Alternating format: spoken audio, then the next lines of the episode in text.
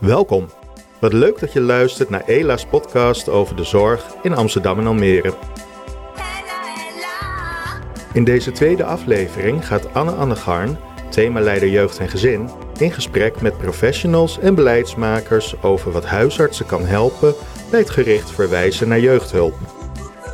En het haalt dus ook werk weg bij de huisarts. En uh, we merken dat dat uh, heel positief is. Daarbij hebben die POH Jeugd ook elkaar. Dus ze worden steeds deskundiger op hun terrein. Ja, over en weer elkaar informeren is gewoon heel belangrijk. En het is heel fijn om korte lijnen te hebben met de huisarts. Kinderen in de jeugdzorg wachten gemiddeld ruim 10 maanden voordat ze hulp krijgen. Ze wachten op therapie, een diagnose of een plek om te wonen. Tijdens die wachttijd verergeren hun bestaande problemen meestal, loopt de spanning in het gezin op, vallen kinderen uit op school en vereenzamen. Het kabinet, de gemeente en beleidsmakers doen er alles aan om de wachtlijsten te verkorten en dat moet ook gebeuren. Maar er staan waarschijnlijk ook kinderen op een wachtlijst die op een andere manier ook en eerder geholpen hadden kunnen worden. Uit onderzoek blijkt namelijk dat huisartsen in ongeveer 50% van de gevallen echt passend verwijzen. De rest wordt vaak verwezen naar specialistische jeugdhulp, terwijl dat lang niet altijd nodig is. En dan komen ze op zo'n wachtlijst terecht. Hoe kan je als huisarts nou bijdragen aan het niet onnodig laten groeien van de wachtlijsten in de jeugdhulp? Ik vergelijk voor deze podcast de twee gemeenten in het werkgebied van ELA, Amsterdam en Almere. Beide steden hebben de toegang tot jeugdhulpverlening anders ingericht. In Almere heeft iedere huisartsenpraktijk een POH GGZ Jeugd die in de praktijk werkt en dus dichtbij is. In Amsterdam hebben huisartsen een ouder- en kindteam tot hun beschikking. Dit team bestaat uit professionals met verschillende achtergronden en expertise, maar zit niet op dezelfde locatie als de huisartsenpraktijk. Uit de gesprekken die we zo gaan horen blijkt dat beide vormen voor- en nadelen hebben voor huisartsen. Maar uiteindelijk is goede samenwerking en overleg het allerbelangrijkste om kinderen de juiste hulp te kunnen bieden. Ik vroeg aan beide gemeenten, Amsterdam en Almere, waarom gekozen is voor deze inrichting van de voorkant van het jeugdstelsel. De gemeente Amsterdam antwoordt hierop de OKT's zijn multidisciplinaire teams waarbij elke medewerker eigen expertise en kennis meebrengt. In de huidige teams werken ouder- en kindadviseurs, jeugdverpleegkundigen, jeugdartsen en jeugdpsychologen. Ook de jeugdgezondheidszorg, JGZ, is dus een integraal onderdeel van de teams. Dat betekent dat het basispakket jeugdgezondheidszorg, voortkomend uit de wet publieke gezondheid, ook in de teams wordt uitgevoerd. Daarnaast zijn jeugdpsychologen onderdeel van de teams. Daarmee kan in de teams ook de basis GGZ worden uitgevoerd. In 2021 is ook een deel van de voorheen samen doen teams opgegaan in het ouder- en kindteam en zo ook de doelgroep die zij bereiken. Dat is meervoudig complexe problematiek. Daarnaast kunnen huisartsen ook terecht bij de ouder- en kindteams voor vragen en overleg over kinderen. De belangrijkste voordelen zijn dus dat de ouder- en kindteams bestaan uit een breed spectrum van expertises, dat jeugdhulp en jeugdgezondheidszorg dicht bij de gezinnen georganiseerd worden en dat de teams en professionals binnen de ouder- en kindteams heel breed kijken naar de problematiek bij de jeugdigen en de gezinnen. Sanne Pet is beleidsmedewerker bij de gemeente Almere. Zij legt uit waarom Almere heeft gekozen voor de inrichting van het jeugdstelsel met de praktijkondersteuners GGZ Jeugd in de praktijken van de huisartsen. Nou, we zagen bij eh, de gemeente Almere dat er een uh, grote stijging was van het aantal verwijzingen naar de jeugd GGZ. En we zagen daarbij dat jongeren ook steeds langer in behandeling bleven. En we zagen dat jongeren niet meteen goed verwezen werden, dus, niet meteen naar de uh, juiste plek. Dus er, we zagen veel doorverwijzingen van aanbieder naar aanbieder, waardoor jongeren soms twee keer op een wachtlijst moesten, maar ook vooral dat ze vaker hun uh, verhaal moesten doen. En dat is niet wenselijk. We hebben toen uh, bureau Peers uh, ingehuurd om een onderzoek te doen naar de situatie binnen de jeugd GGZ in Almere. En daaruit bleek dat de POH jeugd GGZ, die we al hadden sinds 2017, uh, dat die heel goed het veld kennen en een goede analyse kunnen doen van de problematiek van de jeugdigen. En daardoor passend kunnen verwijzen. Dus zij kunnen een warme overdracht doen naar een aanbieder. Dus zij bellen de aanbieder even om te kijken of het inderdaad passende zorg is. Um, dus de jongeren komen eigenlijk direct op de juiste plek. Dus het advies van het bureau was om de POH nog meer te versterken.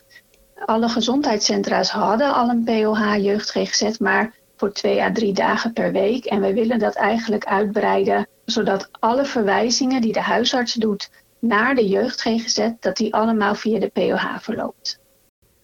Deze podcast gaat over hoe huisartsen kunnen bijdragen aan vermindering van de druk op instroom bij specialistische jeugdhulp, door betere samenwerking met het voorveld. De gemeente Amsterdam zegt desgevraagd. Bij kinderen, jongeren en gezinnen speelt soms meer dan op het eerste gezicht lijkt. Vaak zijn er onderliggende problemen in de gezinssituatie. Als het gaat om de inzet van specialistische jeugdhulp bij meervoudige of complexe problematiek, dan is het nodig om een bredere uitvraag te doen naar wat er verder speelt in het gezin. Want te vaak wordt de specialistische jeugdhulp ingezet, terwijl er ook andere problemen spelen, waardoor het jeugdhulptraject trager verloopt of niet effectief kan zijn.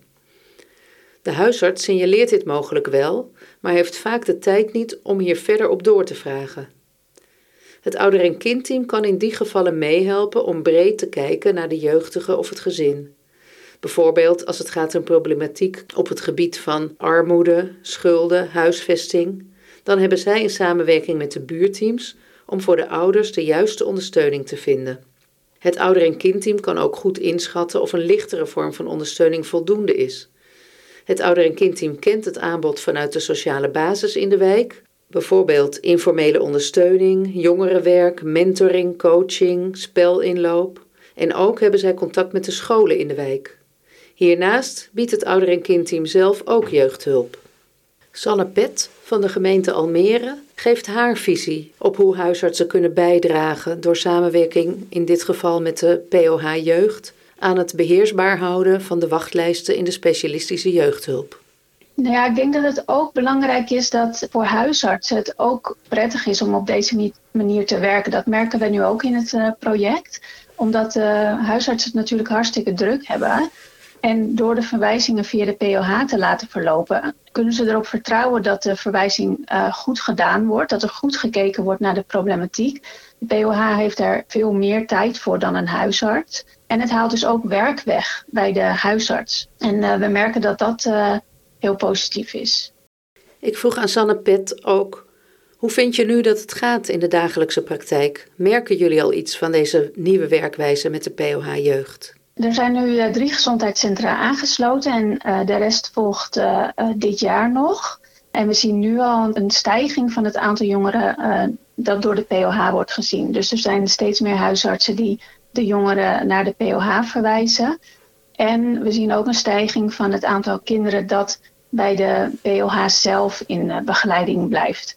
Het project wat we gestart zijn, het versterken van de POH, uh, is tweeledig. Het eerste doel is dat de huisartsen alle verwijzingen via de POH laat lopen, maar ook dat de POH steeds meer begeleiding zelf kan bieden, omdat het niet altijd nodig is om jongeren te verwijzen naar de jeugd GGZ, uh, maar soms lichte ondersteuning nodig hebben. En dat kan de POH prima zelf doen. Uh, maar daar was wel wat meer capaciteit uh, voor nodig. Dus vandaar dat we het aantal FTE wel uitgebreid hebben. En wat ziet de gemeente Amsterdam in hoe het gaat in de dagelijkse praktijk? Zij zeggen: Het OKT heeft in elke wijk contactpersonen voor huisartsen. Dat is voor de huisarts hun ingang. Het verschilt erg per stadsdeel en wijk hoe de samenwerking gaat. We zien dat het beter gaat in wijken waar de huisartsen zich verenigd hebben, bijvoorbeeld in Zuidoost. Ook in het stadsdeel Nieuw-West gaat het relatief goed, omdat er in het verleden een pilot is geweest om de samenwerking te intensiveren. En daar worden nu de vruchten van geplukt. Elkaar kennen en weten bij wie je terecht kunt voor vragen is het allerbelangrijkste. Ik vroeg ook aan beide gemeenten of er dingen zijn die ze anders zouden willen zien. Sanne Pet zegt over Almere. Wat we nu nog veel zien, omdat er, uh, nou ja, er zijn natuurlijk grote wachtlijsten in de jeugdhulp, dus uh, bij de jeugd GGZ. En we zien dat als POH jeugd GGZ een verwijzing doet naar een, uh, naar een aanbieder, dat jongeren niet meteen geholpen kunnen worden. Dus overbruggingszorg nodig hebben. En we zien nu dat de POH Jeugd GGZ die overbruggingszorg zelf doet. En dat is op zich fijn voor de jeugdigen natuurlijk, omdat, omdat ze de POH ook kennen. Alleen de POH verwijst niet voor niets naar een gespecialiseerde aanbieder. Dat betekent ook dat de problematiek vaak te zwaar is eh, of dat het gewoon niet passend is om bij de POH te blijven. Um, dus wij zouden wel graag zien dat we samen met de POH en de ja, jeugd GGZ-aanbieders afspraken gaan maken over hoe we die overbruggingszorg gaan inregelen. Het is geen huisartsenzorg, de overbruggingszorg. Dus eigenlijk niet passend bij de POH jeugd GGZ. Maar omdat wij de POH Jeugd GGZ als gemeente betalen, kunnen zij natuurlijk wel wat andere taken ook doen. Dus idealiter wil je gewoon een afspraak tussen de Jeugd GGZ partijen en de POH over hoe je hiermee om wil gaan. Kijk, het kan best zijn dat sommige jeugdigen best een tijdje nog bij de POH kunnen blijven als ze moeten wachten. Maar voor sommigen zal dat niet zo zijn. Dus we willen niet heel zwart-wit uh, daar een, een lijn in trekken, maar ja, vooral in overleg gaan kijken wat nou passend is maar dat het, lastige is met name die, die wachttijden in de GGZ. Want zowel de jeugd GGZ als de volwassen GGZ hebben allemaal te maken met een, uh, met een wachttijd. En het zou dan, als de jeugdige dus net 18 is of, of 19 bijvoorbeeld, uh, en hij kan wat langer bij de POH jeugd GGZ blijven, is dat denk ik alleen maar winst. Dus eigenlijk willen wij in Almere wel af van die strikte scheidslijn. Dat ook de POH Jeugd tot 18 is. Het zou het mooiste zijn als dat tot 23 uh, eh, zou kunnen. Maar dan heb je natuurlijk ook weer te maken met capaciteit. Dus ook daarover, wat betreft capaciteit, uh, zijn we in gesprek met de zorgverzekeraar. Omdat de POH in principe zorgverzekeraarsfinanciering uh, is. Maar wij als gemeente daar ook aan bijdragen. Dus dat is eigenlijk een gezamenlijk vraagstuk. En wat zouden ze bij de gemeente Amsterdam graag anders zien? De beleidsmedewerker laat weten. Over het algemeen is er meer samenwerking nodig tussen huisartsen en het ouder- en kindteam. Bij beide is de werkdruk erg hoog. Het besef dat de huisartsen overbelast zijn, is er zeker bij de gemeente. Het zou mooi zijn als er een manier gevonden kan worden waarbij men echt elkaars expertise kan benutten en elkaar helpt om het beter te doen voor de Amsterdamse gezinnen. Zo is het goed als de oudere kindteam contactpersonen zich duidelijk laten zien en aangeven waarvoor ze benaderd kunnen worden. Andersom, de huisarts heeft vaak een vertrouwensband opgebouwd met ouders en gezinnen, waardoor zij een belangrijke schakel voor het ouder- en kindteam zijn, als blijkt dat er naast ondersteuning voor het kind juist ook ouderproblematiek speelt. Bijvoorbeeld als het gaat om het inschakelen van volwassen GGZ. Er zijn wel wat positieve ervaringen met dat de huisarts en de ouder- en kindteamadviseur samen op huisbezoek gaan, maar gezien de tijdsdruk wordt dit vaak niet gedaan. En dat is jammer. Het belangrijkste doel van deze podcast is om huisartsen te stimuleren om hun rol en verantwoordelijkheid te nemen als het gaat om de juiste zorg op de juiste plek bij verwijzing van kinderen en jongeren met psychische of sociale problematiek. Maar vinden huisartsen eigenlijk wel dat ze daar een rol in hebben? Huisarts Ine de Haas uit Amsterdam vindt van wel. Ik zie zeker uh, als huisarts een, een, rol in het beheersbehouden van die uh, wachtlijsten. Want ik denk dat je dus uh, passende zorg moet hebben en dat lichtere gevallen op een andere manier behandeld moeten worden, op een andere plek. En dat het dus heel belangrijk is dat de huisarts daar ook een, in, in leidt en een, een richting in geeft. Ja, zeker. Ook huisarts Jacqueline Ebbenhout uit Almere ziet een rol voor de huisarts. Zij zegt: De rol voor de huisarts ligt denk ik met name in wat we het voorveld noemen. Um, het voorveld is eigenlijk de verwijzingen. Je zou het liefst zien dat uh, er niet wordt verwezen door de huisarts als dat niet nodig is. En daarvoor hebben we in Almere tegenwoordig de POH GGZ Jeugd om daarbij te helpen. Aan de andere kant, als verwijzen wel nodig is, uh, dan zou je willen dat dat zo goed mogelijk gebeurt. En dat kan, als je de sociale kaart goed kent, um, waarbij je als je verwijst ook zoveel mogelijk de informatie mee kunt sturen die de aanbieder daarvoor nodig heeft. Dus dat is denk ik het belangrijkste voor de huisarts om bij te dragen aan het beheersbaar houden van de wachtlijsten. Beide huisartsen zijn blij met de ondersteuning die hun gemeente voor hen heeft ingericht in de vorm van de POH GGZ Jeugd in Almere en het ouder- en kindteam in Amsterdam. Welke voordelen zien zij? Jacqueline Ebbehout. De POH Jeugd die kent al snel de sociale kaart veel beter dan de huisarts, omdat dat het werk is waar ze zich veel meer mee bezighoudt dan de huisarts. Ze zijn dus al snel meer ervaren in het begeleiden van de kinderen en van de ouders. Ze hebben ook per patiëntencontact veel meer tijd en kunnen dan om die reden ook makkelijker bellen met bijvoorbeeld school, de JGZ of GGZ-aanbieders. Daarbij hebben die POH Jeugd ook elkaar en ze hebben supervisie en nascholing. Dus ze worden steeds deskundiger op hun uh, terrein. En Ine de Haas zegt over hoe de samenwerking met het ouder- en kindteam haar helpt. Ja, eigenlijk heb je dus nodig dat je meer inzicht krijgt in wat de problematiek is en wat natuurlijk de behandelmogelijkheden zijn. En ik denk dat dat als huisarts weet je dat gewoon uh, vaak niet. Hè. Psychische hulp aan kinderen is natuurlijk toch maar een klein onderdeel.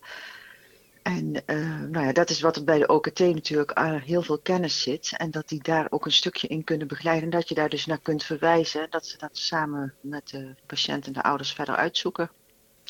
De kennis met name dus die daar zit. Hè, de verschillende disciplines die ze hebben. Uh, ze hebben natuurlijk daar ook veel tijd. En de mogelijkheden die ze hebben om, om iemand te begeleiden. Dat zijn grote, grote voordelen. En wij kunnen natuurlijk zelf een POH-GGZ hebben. Hoe geef je die samenwerking dan vorm, zodat het optimaal verloopt? Ine de Haas zegt hierover. Nou, dat, dat je elkaar dus makkelijk uh, weet te vinden. Hè? Dus dat je makkelijk uh, een, een, ingang hebt. En dat je dus ook. Wij hebben dan nu een vaste contactpersoon die we kunnen bereiken. Dat je die ook gewoon af en toe ziet. Hè? Dus wij hebben nu ook gevraagd of uh, die gewoon uh, wekelijks op een bepaalde tijd op het spreekuur komt. En je merkt ook meteen als je dat per mail gaat doen, dat dat weer wat, uh, de drempel wat hoger ligt. En wat ik daarbij ook belangrijk vind, is dat wij natuurlijk input geven of mensen doorverwijzen naar het OKT, maar dat OKT ook weer dingen terugkoppelt. Hè. Dus die, die ja, over en weer elkaar informeren is gewoon heel belangrijk. Jacqueline Ebbehout noemt daarnaast nog vanuit de situatie in Almere. Het is heel belangrijk dat de huisarts en de POH-jeugd elkaar kennen dat ze de gezichten kennen en dat ze elkaar ook heel makkelijk kunnen vinden. Uh, dus het is fijn als ze op dezelfde werkplek hun werk kunnen doen. Zodat ze gewoon bij elkaar kunnen binnenlopen voor overleg en bij crisissituaties. Het is ook heel prettig dat ze in hetzelfde systeem werken, in hetzelfde huisartsinformatiesysteem. Daardoor kan de huisarts de informatie van de praktijkondersteuner jeugd direct lezen. Um, en is daarmee ook uh, op de hoogte, of kan zich heel makkelijk op de hoogte stellen van waar de POH uh, GGZ Jeugd over gesproken heeft met de kinderen en met de ouders. De POH Jeugd die moet eigenlijk kunnen doen waarvoor ze zijn aangenomen. Ze moeten, uh, dat is ook wel belangrijk, ze moeten niet te veel bezig zijn met overbruggingszorg. En ze moeten ook terughoudend zijn met het bieden van intensieve nazorg. Dat is een beetje riskant vanwege die wachtlijsten van de tweede lijn. Um, zij kunnen de tekort in de tweede lijn uh, niet binnen de eerste lijn oplossen, want dan komen ze niet meer toe aan het werk waarvoor ze in feite zijn aangenomen. Dus dat is wel een belangrijke randvoorwaarde om um, goed te kunnen samenwerken met ze. En zijn de huisartsen in Almere nu jaloers op hoe het in Amsterdam is ingericht en vice versa? Niet echt, blijkt uit de gesprekken. Jacqueline? Nou ja, het heeft allebei, denk ik, zijn voor- en zijn nadelen. De extra expertise die in Amsterdam wordt gebruikt, die missen wij mogelijk. Aan de andere kant wordt dat weer opgeheven hier, doordat ze met ons hele korte lijnen hebben. Dus dat wij uh, strakker met ze kunnen samenwerken. En daarbij dat ze onderling uh, een, gezamenlijke expertise opbouwen. Ze hebben veel contact met elkaar. En ze hebben de supervisie. Ik weet natuurlijk niet hoe dat bij dat team in Amsterdam ingericht is. Dus ik denk dat het twee goede opties zijn. Het is wel zo dat de collega's uit Amsterdam die horen van de PH Jeugd daar ook wel weer jaloers over op zijn, omdat zij die korte lijn missen die wij wel hebben met de PH Jeugd. En Ine zegt? Maar dat is natuurlijk maar één persoon vergeleken met uh, hoeveel mogelijkheden er zijn binnen het OKT. En daarnaast moet je dan ook die, diegene gewoon in dienst uh, hebben, beperkt aantal uren. Dus dat, daar zitten toch wel wat uh, nadelen aan. Wat vinden de jeugdhulpverleners die dicht bij de huisartsenpraktijk zitten van de samenwerking met huisartsen en hoe die kan bijdragen aan het beheersbaar houden van de wachtlijsten in de jeugdhulp? Ik sprak daarover met Cynthia Ranusetico. Zij is psycholoog en heeft zich gespecialiseerd in kinderen. En zij is uh, POH GGZ Jeugd in een van de gezondheidscentra in Almere. En voor het Amsterdamse sprak ik met Willemien Duvekot, pedagoog en werkzaam als ouder- en kindadviseur in een van de ouder- en kindteams in Amsterdam.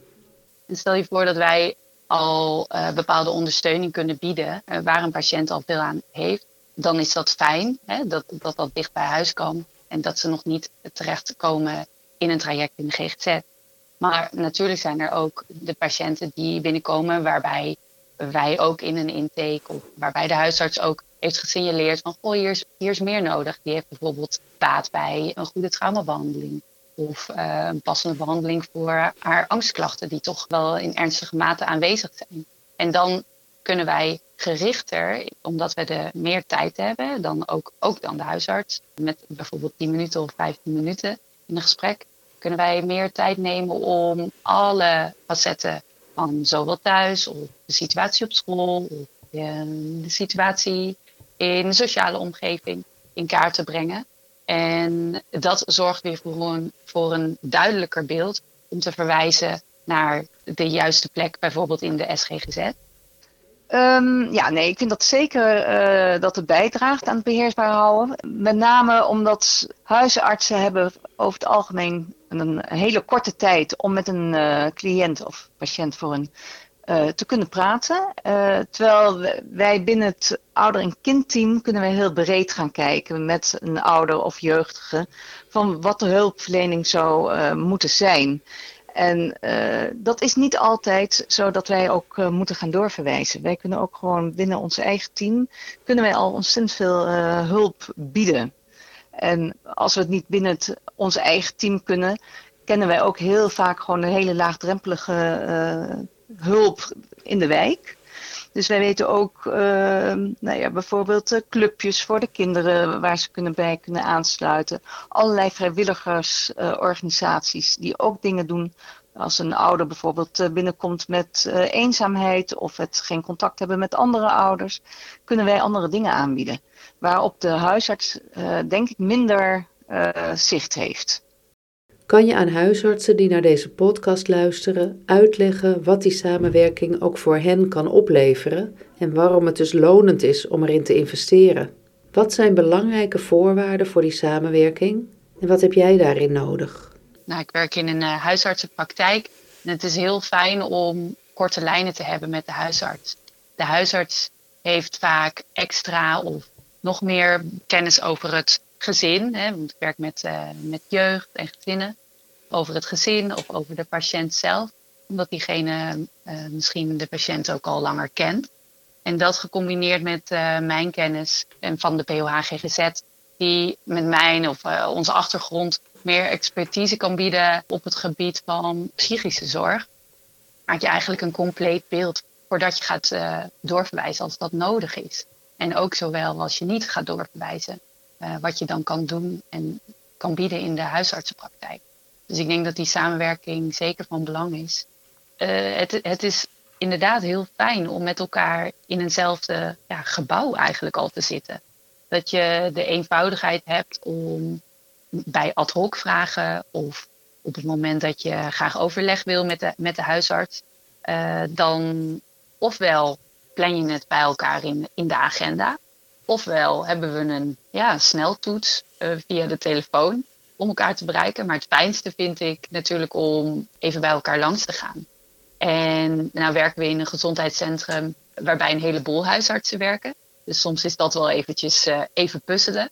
Uh, maar het aankloppen bij elkaar op de deur en, uh, en eventjes binnen kunnen lopen, dat, dan kunnen we eigenlijk al in, in vijf minuten een overleg hebben. En, en dan kan ik of de huisarts kan alweer verder. Wat nou, voorheen misschien meer een uitzondering is geweest en nu eerder uh, een gegeven. Is dat wij uh, overbruggingszorg bieden, omdat er lange uh, wachttijden zijn. En in die overbruggingszorg hebben we natuurlijk ook een functie. Zowel misschien een stabiliserende functie. Dat zie ik, eh, zie ik wel vaker voorkomen. Dat de patiënt in ieder geval een plek heeft om ook zijn verhaal te kunnen doen. En ook een functie waarbij we al ondersteuning kunnen bieden. Dus waarbij de klachten in plaats van verergeren zonder ondersteuning, misschien gelijk blijven. Of bijvoorbeeld in, wij kunnen natuurlijk ook delen van een angstbehandeling zouden we, kunnen, wij, kunnen wij aanbieden. En met die tools kan de patiënt al aan de gang. Dus ik denk zeker dat het traject in de SGGZ ook ondersteunt. Omdat het alternatief zou zijn, hè, laten we zeggen, stel de POH-GGZ jeugd is er niet, dan is het alternatief wachten op de wachtlijst en geen ondersteuning. En de huisarts kan heel goed bij ons ook de vraag neerleggen van, goh, willen jullie eens wat breder gaan kijken van wat er nodig is binnen dit gezin of met deze jeugdige? Bijvoorbeeld uh, een ouder komt met een kind bij de huisarts en die zegt van, ik denk dat er sprake is van ADHD. Waarbij een huisarts kan denken van, nou ja, dan gaan we daar een onderzoek naar laten doen. Gaan wij binnen het ouder- en kindteam veel breder kijken en gaan wij kijken van wat maakt dat, dat deze ouder denkt dat het kind ADHD heeft? Uh, is het echt wel ADHD of is het, uh, kan deze ouder zelf in de gezinssituatie al heel veel doen om het, uh, het gedrag van het kind te gaan beïnvloeden? Dus bijvoorbeeld door veel meer structuur aan te brengen, meer regels in huis, dat een kind veel minder heen en weer hoeft te vliegen. En dan betekent het ook dat een kind dus mogelijk helemaal niet uh, doorverwezen hoeft te worden voor een onderzoek, maar dat ouders al gewoon zelf uh, verder kunnen met dat kind. En wij kunnen, nou ja goed, wij, wij bieden binnen het ouder- en kindteam ook trainingen aan voor kinderen, waarbij uh, een kind ook met zichzelf aan de slag kan. Ehm, competentietrainingen, weerbaarheidstrainingen. Dus dan kan ook bijvoorbeeld zijn dat die ADHD blijkt dat dat kind gewoon heel moeilijk, ja, dat heel snel van zich afbijt en afslaat en daarmee heel druk overkomt. Terwijl het misschien gewoon nog geen handige manier heeft om zich weerbaar uh, op te stellen. En we kunnen wij een uh, training aan, uh, aanbieden. Ik, ik, denk dat wij daardoor veel beter uiteindelijk kunnen aansluiten bij de echte hulpvraag. Dus wij vragen ook veel beter nog uit van wanneer is de hulp geslaagd? Die, wanneer kunnen we zeggen van en nu ouder of jeugdige ben je ook geholpen met, uh, met de hulp die we gaan aanbieden. Wat zijn belangrijke voorwaarden voor die samenwerking en wat heb jij daarin nodig? Het is, het is natuurlijk bekend dat het op het moment in huisartsenland uh, wat onrustig is uh, met het huisartsentekort. En nou, met onze nauwe samenwerking met de huisarts merken wij dat ook in de praktijk. En met name merken wij dat er schaarste is in tijd. Dus de overleggen die ik dan eerder noemde, die zo fijn zijn, daar moeten we bijvoorbeeld wel wat meer moeite voor doen om elkaar te vinden in de drukte van nu. En daarnaast is toch echt die toegankelijkheid, als je het hebt over wat is dan een belangrijke voorwaarde bij, bij alle huisartsen, is uh, dat, dat, ja, de toegankelijkheid en als POH-GGZ jeugd werk je onder de verantwoordelijkheid van de huisarts. Dus dat je gezamenlijke verantwoordelijkheid draagt. Dus als we graag overleg willen of dat we ook de expertise van de huisarts nodig hebben, dat we die betrokkenheid ook kunnen waarborgen. En dat is met die korte lijnen, is denk ik het meest haalbaar. Dat we even bij elkaar kunnen binnenlopen, dat we elkaar even snel kunnen bellen, kunnen aanspreken ik zou graag willen horen hoe jij hierover denkt en uh, wil je meedenken in deze casus. Vanuit het uh, OKT hebben we, uh, is het heel belangrijk om huisartsen ook te kunnen benaderen. Want bij ons komen er ook heel veel ouders en kinderen via de school binnen. Of een ouder komt zelf met een hulpvraag bij ons binnen. En niet altijd hebben ouders even goed op hun netvlies meer staan wat voor hulpverlening er misschien allemaal al mogelijk in heeft gezeten. Dus wij vragen eigenlijk altijd aan, aan een ouder van, is het goed dat wij ook contact even opnemen met de huisarts om te horen van wat er al in heeft gezeten of dat er belangrijke dingen zijn die we niet moeten vergeten of over het hoofd zien. Op het moment dat je dat noemt, vinden de meeste cliënten dat ook heel erg vanzelfsprekend dat je dat uh, wil. En, maar dat betekent wel dat wij ook op een hele makkelijke, laagdrempelige manier de huisarts moeten kunnen vinden. Het is belangrijk dat je ook wel weet welke huisartsen er bij je in de wijk zitten en dat je ze ja, ik vind het zelf ook heel prettig om ze echt persoonlijk te kennen. Omdat dat maakt dat het gewoon veel makkelijker contact met elkaar uh, opzoeken is. En ik vind het ook wel heel belangrijk dat je weet van op welke tijden kan je een huisarts bereiken. Dus we hebben daar ook afspraken over. En met de ene huisarts is dat dat je tussen middag met elkaar kan bellen. En de andere huisarts is het van nee, uh, we doen het pas om half vijf. Maar dat is heel fijn dat je op die manier de lijnen heel kort kan houden. En wij hebben binnen Amsterdam ook de afspraak dat je gewoon één contactpersoon hebt binnen het uh, OKT, zodat de huisarts ook weet om die hele korte lijn te hebben, dat ze niet met alle uh, mensen die binnen het OKT werken contact moeten gaan zoeken, maar echt specifiek gewoon meteen naar één iemand kunnen bellen van is dit iets voor het ouder- en kindteam? Kunnen we even in overleg? Nou ja, en dan zet de contactpersoon het wel weer door binnen het ouder- en kindteam zelf. We hebben nu alle partijen gehoord: gemeenten, huisartsen en jeugdhulpverleners. En eigenlijk horen we steeds hetzelfde. Hoe je het ook inricht en organiseert, belangrijk is een kundige, ervaren professional dicht bij de huisarts, die zelf kan begeleiden en het veld goed kent om, als dat nodig is, gericht te kunnen doorverwijzen. Of diegene nu een POH jeugd is die in de huisartsenpraktijk werkt, of een ouder- en kindadviseur of jeugdpsycholoog in een multidisciplinair team op afstand, dat maakt eigenlijk niet uit. Wat het allerbelangrijkste is, investeer in de samenwerking en maak gebruik van elkaar, want daar worden kinderen en jongeren echt beter van. Dit was de tweede podcast van ELA. Wil je meer weten over dit onderwerp? Neem dan contact op met Anne Annegarn. Haar contactgegevens vind je op onze website ela.a.nl.